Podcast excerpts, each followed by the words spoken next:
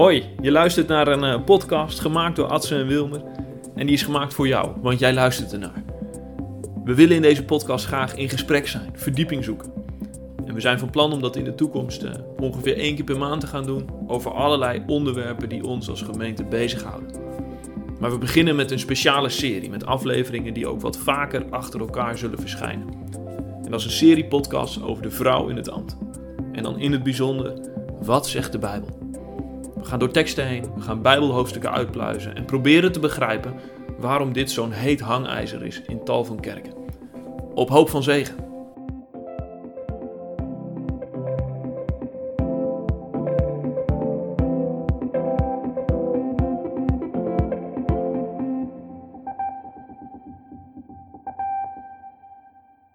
Hey, fijn dat je luistert. Vandaag gaan we in deze serie over vrouwenambt bezig met de Bijbelteksten die inzicht geven in de relatie van man en vrouw in het huwelijk. Het lijkt een beetje een zijspoor, want het gaat toch om de positie van de vrouw in de kerk.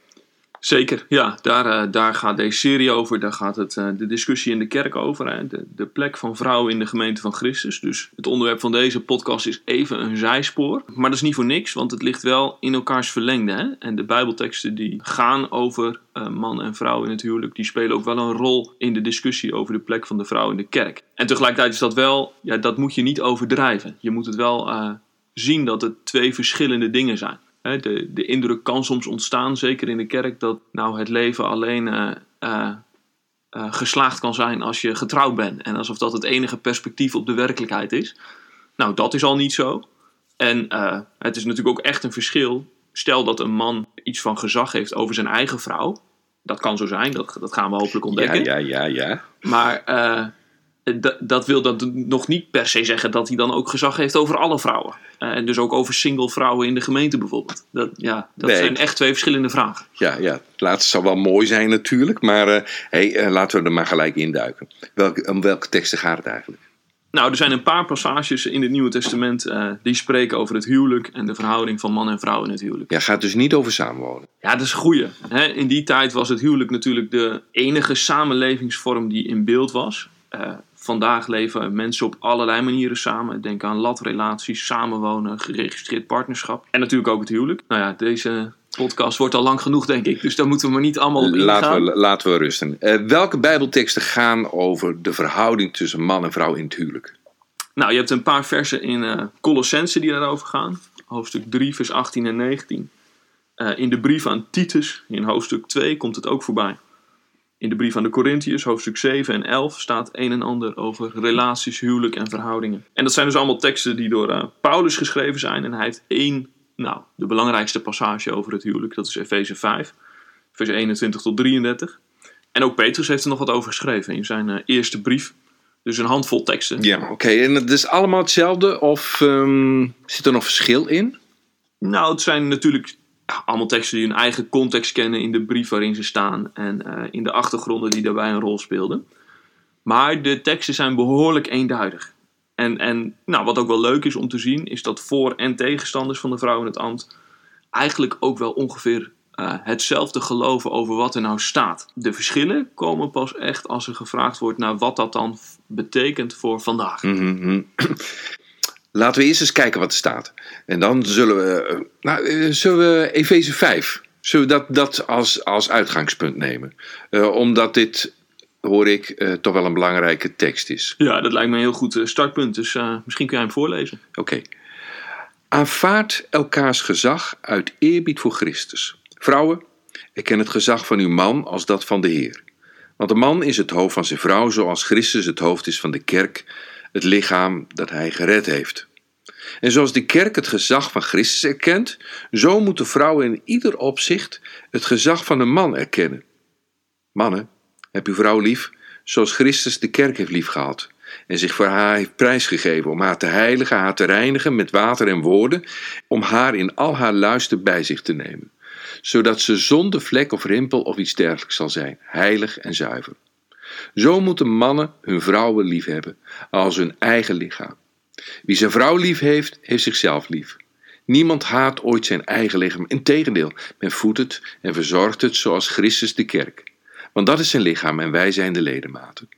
Daarom zal een man zijn vader en moeder verlaten en zich hechten aan zijn vrouw, en die twee zullen één lichaam zijn. Dit mysterie is groot. En ik betrek het op Christus en de kerk.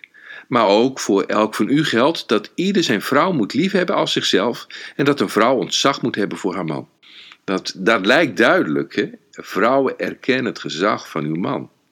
Ja, dat is zo. Als je de NBV leest, hè, en die vertaling heb je net gelezen, uh, is dat iets dat steeds terugkomt in die Bijbelteksten over het huwelijk. Dat staat dus hier in Efeze, uh, maar ook in Colossense, in 1 Petrus, in Titus.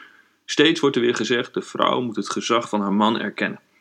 En die vertaling met gezag die is wel wat omstreden hoor, van de MBV. Dat proef je ook wel in verschillende andere vertalingen. Uh, de HSV en ook de 51-vertaling, die hebben allebei wees onderdanig.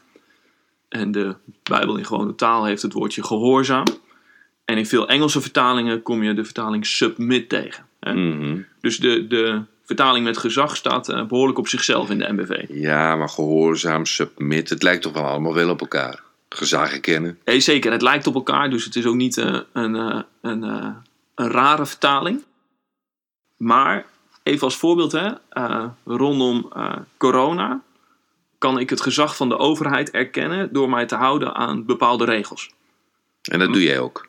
Ja, dat doe ik ook. Over het algemeen, denk Ja. ik. Maar ik kan dat eh, mokkig, bozig, protesterend doen. Hè? Eh, maar in mijn gedrag erken ik dan nog steeds het gezag van de overheid. Ook al is mijn hart opstandig. Dus eh, mijn gedrag is dan anders dan mijn houding. En die eh, vertaling van gezag erkennen, die, die legt de focus op gedrag. Wat doe je? En je houding is dan buiten beeld. Hè? Een vrouw kan ook het gezag van haar man erkennen door netjes te doen wat hij zegt en van binnen te denken wat een stakker is het. Terwijl die andere woorden die gaan meer over een houding. Eh, wees gehoorzaam, wees onderdanig. Oké, oké. Daar, zit, daar zit veel meer de hartelijkheid ook in van het willen erkennen van je man en het respecteren van hem. Mhm.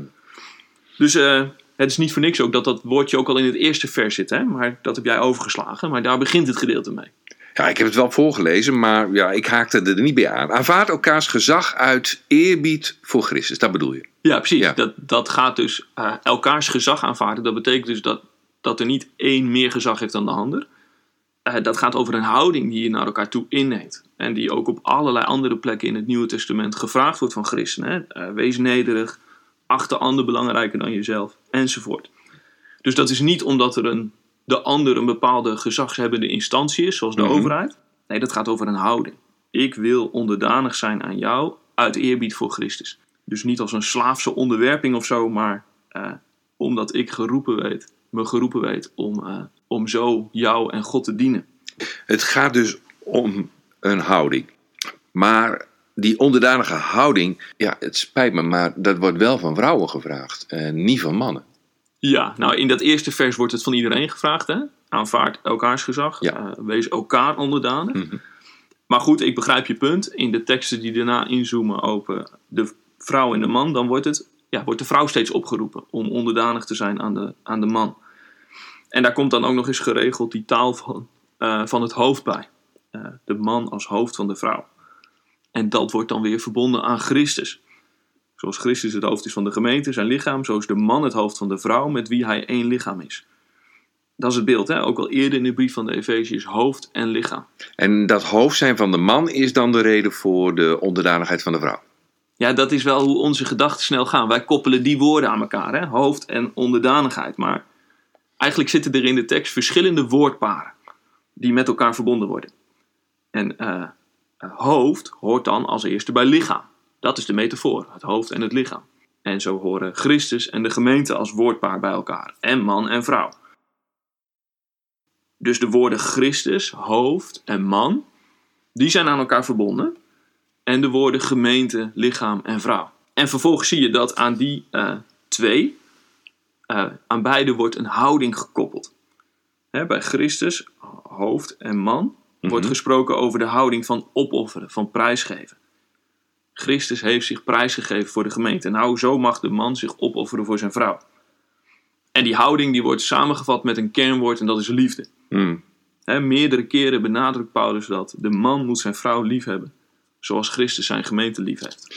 Dus dat, heb je, eh, dat is de ene set van woorden, Christus, hoofd, man, opofferen, liefde. Ja, dat is de set die zeg maar de, de mannelijke kant onder woorden brengt. En de vrouwelijke Mhm. kant, die kent ook zo'n houding en zo'n kernwoord. En die houding is dan onderdanig zijn. En dan niet slaafs dus, hè, maar van harte. Ja. En het kernwoord daarbij is eh, respect of ontzag. Eigenlijk zoals je dat eh, nou ook samengevat vindt in dat laatste vers. Hè. Ook voor elk van u geldt dat ieder zijn vrouw moet liefhebben. Hè. Dat kernwoord voor de man, liefde. En dat een vrouw ontzag moet hebben voor haar man. Nou, dat kernwoord ontzag. Oké, en, en over deze uitleg wordt dus heel veel gediscussieerd. Nee, eigenlijk niet. Nee. De tekst is vrij duidelijk. eh, de betekenis van de woorden is vrij, vrij duidelijk. Dit is wat Paulus geschreven heeft. En eigenlijk beaamt ook iedereen hoe revolutionair dat was. Nee, wacht even, wacht even. Dit revolutionair. Dit klinkt het, eh, zo klinkt het niet in onze oren. Nee, Nee. nee. dat is grappig hè. Hoe dat eh, door de tijden heen kan veranderen. Maar nou ja, vorige aflevering heb jij zelf van alles verteld over de positie van de vrouw in de, in de tijden van het Nieuwe Testament onder andere. Hè, vrouw was echt eigendom van de man. Ehm, nou, en dat, dat speelt op de achtergrond van deze woorden. En tegen die achtergrond is het revolutionair wat, wat hier tegen de man gezegd wordt. Hou van je vrouw. Wie zijn vrouw lief heeft, heeft zichzelf lief. Je moet haar lief hebben als je eigen lichaam. Ja, als Jezus voor haar zijn. Jezelf geven, opofferen voor haar. Man, die begint te spreken, man. Ja, maar dat, dat zijn schokkende woorden in die tijd. Ja, er zijn, ja, ja. En, en. Nou ja, zo zijn er meer woorden die schokkend zijn. Ja. Hey, ik, ik denk ehm, dan ook aan, aan de woorden van Petrus, die tegen de man zegt: Behandel je vrouw met respect, want zij deelt samen met jou in de genade van het nieuwe leven. Precies, dat, daar zit iets enorm. eh, ja, als je vrouw je eigendom is, waarom zou je dat dan moeten doen? En 1 Corinthians 7 is ook zoiets. Hè? Een vrouw heeft niet zelf de zeggenschap over haar lichaam. Hè, ze was toch eigen. Mhm. Dat past bij dat beeld van de eigendom, maar haar man heeft die zeggenschap. En dan, en ook een man heeft niet zelf de eigen zeggenschap over zijn lichaam, maar zijn vrouw. Oké, ja. Revolutionair. Ja, ja. De man is net zo eigendom van zijn vrouw als dat de vrouw eigendom is van haar man. En, en dat wordt dan ook nog eens in al die teksten verbonden met de kern van het evangelie. Hè? Het is samen delen in de genade, eh, beeld zijn van Christus en de kerk. Ja, dat is eh, revolutionair. En dat wordt ook eigenlijk eh, breed uit door uitleggers herkend en benoemd. Ook degene die aan een koppositie van de man denken, Mhm. die hameren erop dat deze koppositie betekent liefhebben, dienen, zorgen voor. Dus absoluut niet Ja. heersen of onderdrukken of zo. Oké. Maar toch geeft Paulus vrouwen wel een, eh, een andere opdracht dan mannen. Eh, andere woorden eh, worden aan haar positie gekoppeld dan, ja, dan bij de man. Waarom is dat dan? Ja, de voorstanders van de vrouw in het ambt die zeggen dat zou ook wel eens iets met die context te maken kunnen hebben. We hadden het net over die achtergestelde positie van de Mhm. vrouw, die speelt op de achtergrond. Ehm, maar de gedachte is ook wel dat in die tijd, in Rome en ook in Efeze, eh, rondom de cultus ook van de godin Artemis, hè, die Ja, in Efeze ja groot is de Artemis, de Artemis Precies. van de Efeziërs. Dat, ja. dat lees je in, eh, in handelingen. Eh, dat er rondom die cultus en in de Romeinse wereld ook een beweging gaande was van vrouwen. Die nogal naar voren trad vanuit de gedachte: wij zijn beter dan mannen. Een soort van feminisme. Een soort van feminisme. En nou, dat is wellicht ook wel een reactie geweest op die, eh, die patriarchale cultuur. Dus het zou kunnen dat ook iets van die eh, vrouwelijke dominantie, van die beweging, dat dat ook in de kerk is geslopen. En Mhm. in huwelijk is gaan zitten. En dat Paulus daar ook wil de vinger bij legt. Dat is niet de bedoeling. Dat vrouwen eh, gaan heersen over mannen. Maar ja, goed, mensen die door de hele Bijbel een verschil zien in positie van man en vrouw met verschillende verantwoordelijkheden. Ja, die zeggen, zie je wel, de positie van de vrouw is echt een andere dan die Ja, van de man. ja, Kijk maar wat er staat, hè. Ja, ja. De vrouw moet onderdanig zijn aan de man. Mhm. En bovendien, eh, Paulus verwijst ook weer naar Genesis in dit gedeelte, door dat vers aan te halen. Daarom zal een man zich losmaken van zijn vader en moeder, enzovoort. Dus daar ligt dan voor hen een lijn met die koppositie die zij in de eerste hoofdstukken van de Bijbel al zien. Ja. En zo ontstaat voor hun eh, gevoel een heel coherent beeld. De vrouw heeft een meer onderdanige positie en de man heeft de koppositie. Mhm. En als klapper op de vuurpijl wordt dat dan ook nog verbonden met Christus en de kerk. ja, dan heb je helemaal gelijk. De man moet als Christus zijn en de vrouw als de kerk. Nou ja, en het is duidelijk dat eh, Christus eh, een gezagspositie heeft ten opzichte van de kerk.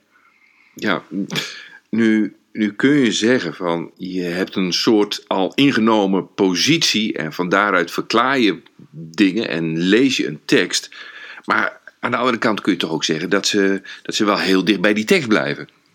Ja, zeker. Dus de, de, degenen die aan een koppositie denken, die blijven heel dicht bij de tekst. En dat is ook echt de kracht van deze interpretatie. Je leest wat er staat en pas dat toe.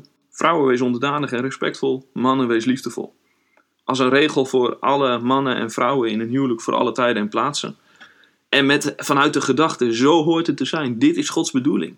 Die is op te merken in de schepping. En dat is ook nog eens een mysterie dat gaat over Christus en de kerk. Maar er klinkt bij jou een maar. ja. ja, uiteraard. Hè? De, uh, niet alleen bij mij, maar met name bij de voorstanders van de vrouw in het ambt. Die stellen hier een grote vraag bij. Is dit nou echt Gods bedoeling voor alle tijden? Of zijn dit de woorden van Paulus en ook die van Petrus in een specifieke tijd en cultuur? En wat zeg jij dan? Of nee, nee, nee, nee, want je wil je niet uitspreken. Maar uh, wat zeggen ze dan? Wat is dan daar de reactie ja, op? Het zij zeggen dat is zo. Het, is, uh, het zijn woorden over het huwelijk in een patriarchale cultuur. Hè, dus een cultuur waarin mannen dominant zijn. Mhm.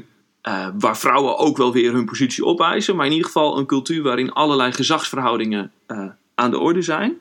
En binnen dat gegeven proberen Paulus en Petrus een christelijk huwelijk vorm te geven. Maar dat is binnen de kaders van die cultuur. En die kaders moet je dan niet uh, eruit halen en zeggen dat is Gods bedoeling. Even, even wat meer over die kaders. Nou ja, dat, daarmee bedoel ik dat uh, zo'n kader als dat de man eigenaar is van de vrouw. Hè? En dat was een gegeven in die tijd, een Ja. feit. Ja. En we weten niet precies wat Paulus van dat feit vindt. Hè, het- misschien vond hij het verschrikkelijk. Mhm. Maar eh, heeft hij zijn redenen om daar niet eh, hard tegen in te gaan. Eh, misschien heeft hij ook wel nooit een vraag bij dat feit gesteld. Hè? Dat, dat het gewoon de werkelijkheid was waarin hij la- Nou, je leeft in een bepaalde cultuur en dat is gewoon. Precies, wij, wij vinden ook dingen normaal die misschien over drie generaties mensen zeggen: Hè? Deden ze dat toen zo? Terwijl Ja. wij er nooit een vraag bij stellen. Ja. En misschien is dat zo, dat hij gewoon binnen die feiten zoekt naar hoe kunnen we op een Christusachtige wijze man en vrouw zijn. Maar stel je nou voor dat er bij hem toch wel een zekere onrust over was. Hè? Dat hij denkt van dit klopt niet. Eh, Dan had hij dat toch ook gewoon kunnen zeggen. Ja, dat weet je niet zeker. Eh, Paulus' grote missie en zijn grote doel is voortdurend dat het evangelie van Jezus verkondigd wordt. Hij wil mensen bij Jezus brengen. En dat deed hij in een situatie waarin de overheid naar hem keek. Hè? Mhm. Eh, De Romeinse overheid, eh, de, de Joodse leiders, die eh, keken wat gebeurt daar? Wat doen deze mensen? Zijn het onruststokers? Zijn ze uit op macht en op verandering?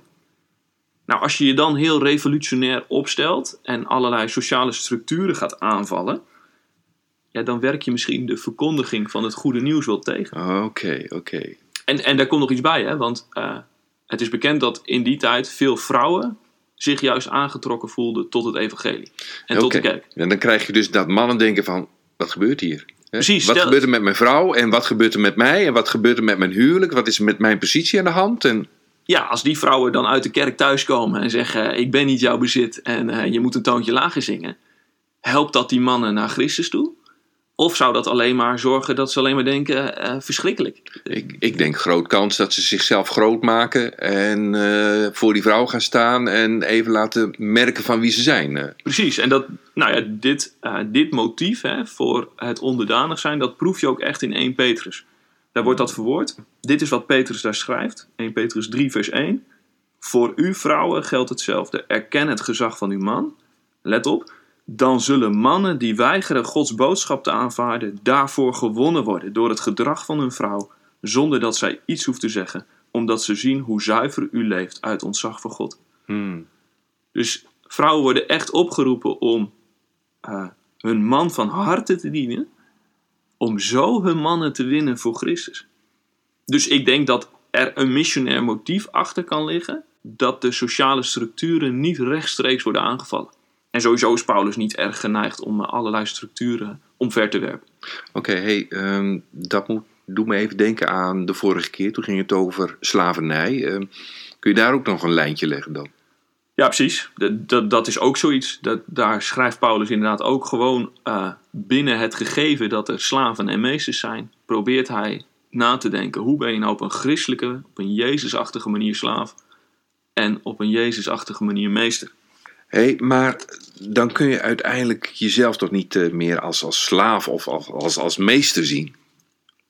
Nee, ja, nou, het heeft nog wel wat eeuwen geduurd hè, voordat we als christenen beseft hebben, eh, die slavernij moet echt afgeschaft. Maar ik denk inderdaad wel dat dat een late vrucht is van het schrijven van Paulus. Als je vanuit Christus na gaat denken over de verhouding eh, slaven en meesters, Mhm. ja, dan komt er op een gegeven moment kritiek daarop. We zijn allebei eigendom van Jezus en we kunnen elkaar niet bezitten. En, en dat voorbeeld hè, van die slavernij, Ja, ja, dat is wel belangrijk, juist ook rondom die tekst in eh Efesius 5, want daar komt dat ook aan de orde. oké, hé, ehm, ga er eens op door. Nou, die, die passage over het huwelijk, hè, wat we net hebben gelezen, Mhm. die staat in de context eh, van meerdere opdrachten over verschillende relaties. Dus dit gaat over man en vrouw. Even later gaat het over eh, ouders en kinderen. Ja, En daarna gaat het over slaven en meesters. uh-huh. En binnen de structuren van die tijd geeft Paulus daar dus eh, aanwijzingen over. En dan zeggen we met elkaar als christenen, die structuur van slaven en meesters, die, die, die ervaren we als zondig en slecht. oké. Terwijl die in Efeze eh, door Paulus gewoon eh, wordt aangenomen. Zeg als een gegeven, hij kent het en hij weet eigenlijk ook niet beter dat het ook anders kan. Nee, maar waarom zouden we nu wel met een gerust hart die structuur van slaven en meesters kunnen zeggen: dat is niet de bedoeling? Mhm. En die woorden dus lezen met: oké, wat betekent dit voor onze verhouding in werk bijvoorbeeld?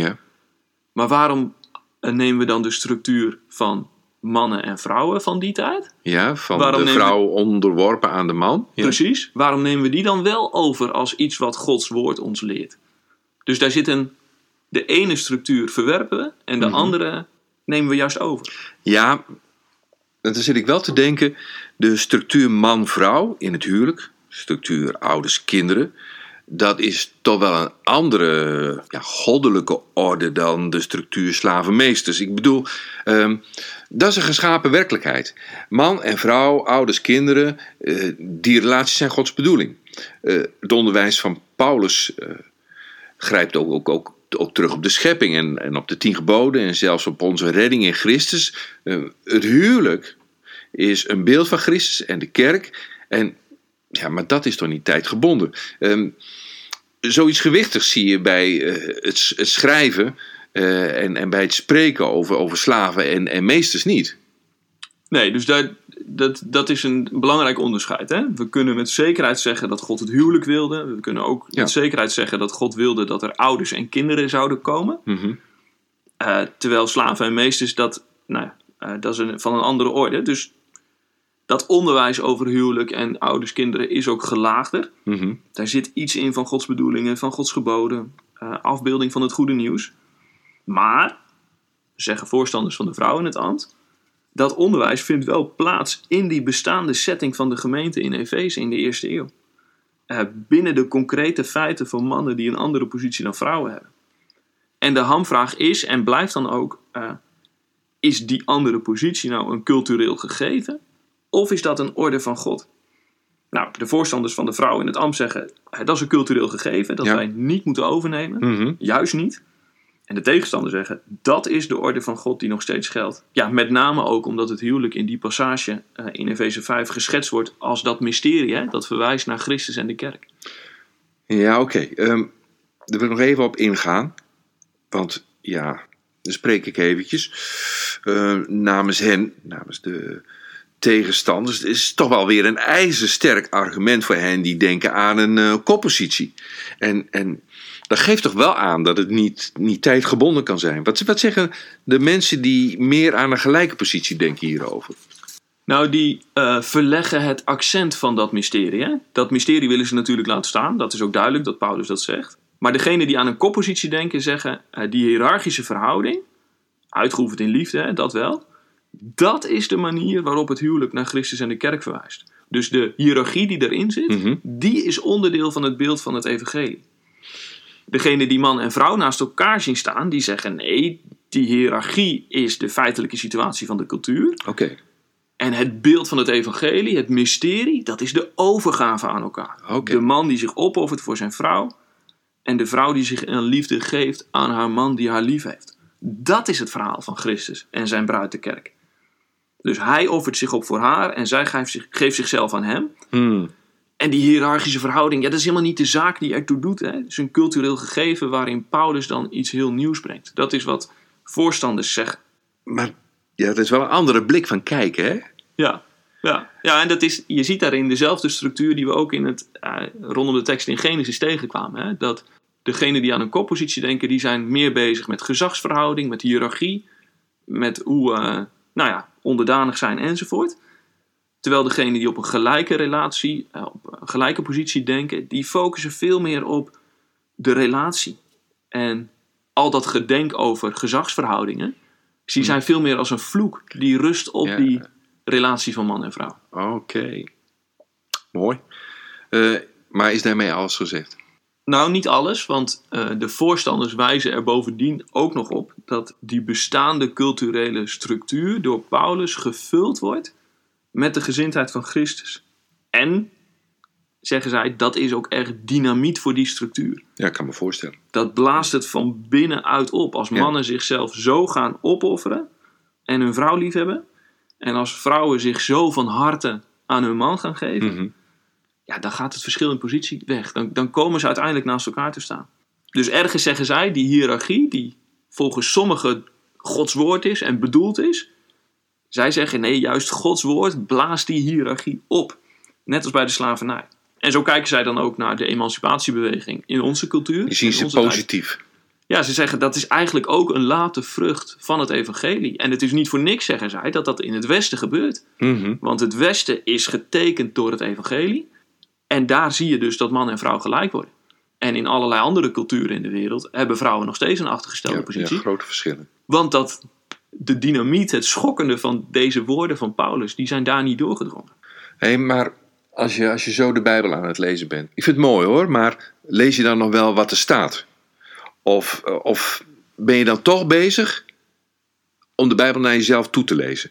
Waarbij je de cultuur van dat moment gebruikt om elementen die je niet goed uitkomen uit de tekst te elimineren. Eh, en dat je kunt aansluiten bij de cultuur die er vandaag is. En dat wij op een christelijke manier toch kunnen zijn zoals de mensen vandaag zijn. Ja, dat is, dat, is, dat is vaak het verwijt wat de voorstanders gemaakt wordt. Eh, dat ze de Bijbel laten buikspreken. Hè? Eh, het staat het een, maar stiekem wordt het andere gezegd. Er wordt ook wel gedacht van, nou, ja, op deze manier, eh, met een goede redenering, kun je de Bijbel alles wel laten zeggen. Mhm. En daar zit ook echt een reëel gevaar in. Ik bedoel, dat, eh, dat je de Bijbel terzijde schuift, of hem ombuigt, of hem laat zeggen wat jij graag wil dat hij wil zeggen. Hè, elke ketter heeft zijn letter. Dat- Ja, je kunt van alles doen met teksten. Maar of dat verwijt in deze discussie terecht is, nou, dat, dat zullen mensen die het luisteren zelf moeten beoordelen. Maar daarbij moeten ze wel rekening houden dat de voorstanders op deze positie uitkomen door het lezen van de Bijbel. Hmm. Ze, eh, Je zegt niet van ze zijn bij de cultuur begonnen, maar ze zijn bij de Bijbel begonnen. nou ja, ze, ze, ze beginnen bij eh, dat dynamiet wat zij zien. Dat begint bij die woorden van Paulus. Heb elkaar lief. Ja. Geef jezelf aan elkaar. Die hartelijke houding naar elkaar toe. Dus, en, en ze keren het verwijt dan ook wel om. Hè? Ja, laat je de Bijbel niet buikspreken als je het doet. Alsof Paulus dit geschreven heeft voor westerse mensen anno 2022. Hmm. Eh, voor blanke westerlingen zoals wij. Ja. Neem je dan de Bijbel echt serieus? Als je niet de context van dat moment meeneemt. Hé, maar als ik het dan samenvat, dan, dan zijn de verschillen in uitleg van de teksten over het huwelijk niet zo groot. Maar de verschillen over de betekenis daarvan voor vandaag, die zijn er wel degelijk. Eh, de een zegt, de man is geroepen om een koppositie in te nemen en de vrouw moet zich daarna schikken. Want zo zijn zij beeld van Christus en de kerk. En de ander zegt, nee, eh, dat is geen blijvende opdracht. De blijvende opdracht van deze Bijbelwoorden zit hem in de houding die we aannemen in onze relaties. In het opofferen en het onderdanig zijn. En zo groeit liefde. En zo zijn we beeld van Christus en de kerk. Efeze 5 vers 21 wordt eh, daarin dan belangrijkst. Wees onderdanig uit eerbied voor Christus. Eh, maar goed, ik denk dat eh, tijd is om af te ronden. Ehm, heb je nog een, hoe zullen we het noemen? Een, een, een, nou, laat me gewoon een uitsmijter noemen. Ja, ik denk wel nog eens te herhalen waar we ook mee begonnen. Hè? Uiteindelijk is dit een andere vraag, de positie van man en vrouw in het huwelijk, dan de positie van man en vrouw in de kerk. Ook als je gelooft dat de man in het huwelijk een koppositie heeft, dan is dat niet per definitie ook dat het betekent dat de man een koppositie in de kerk heeft. Dus, eh, eh, en ook gezag heeft over een willekeurige andere zuster in de gemeente. Oké. Dus daarvoor moeten we toch echt ook andere teksten nog doorheen. We moeten deze podcastserie nog verlengen. Dus, Eh, die verhouding van mannen en vrouwen in de gemeente. ja, ja, ja. En dan gaan we het hebben over de zwijgteksten. De beroemde of de beruchte zwijgteksten. Ja, ja. Hè, terwijl ook, nou ja, dat zullen we nog wel ontdekken, maar ook over die zwijgteksten wordt wel gediscussieerd. Gaat het nou over de gemeente of gaat het over het huwelijk? Hmm. Dus misschien hadden we die eigenlijk wel hier moeten bespreken, maar nou ja, dat, eh, dat laten we nu zitten. Ja, we gaan daarmee aan de slag. Gaan we doen. Volgende aflevering gaat over verschillende teksten uit de eerste brief aan de Corinthiërs. En daarna nog een aflevering over 1 Timotheus 2. Wordt dus vervolgd. Voor nu bedankt voor het luisteren en een fijne dag nog. Wil je reageren op wat je gehoord hebt of misschien een vraag stellen? Dat kan. Je bent meer dan welkom om dat te doen. Stuur ons dan even een mailtje via abuursema.gkvbarneveld.nl of wblijdorp.gkvbarneveld.nl Onze gegevens vind je trouwens ook op Skipio of op de website www.gkvbarneveld.nl Vergeet trouwens niet je kringgenoten of andere kerkleden ook te wijzen op deze podcast. Nogmaals bedankt voor het luisteren en alle goeds van onze God toegewenst. Op hoop van zegen.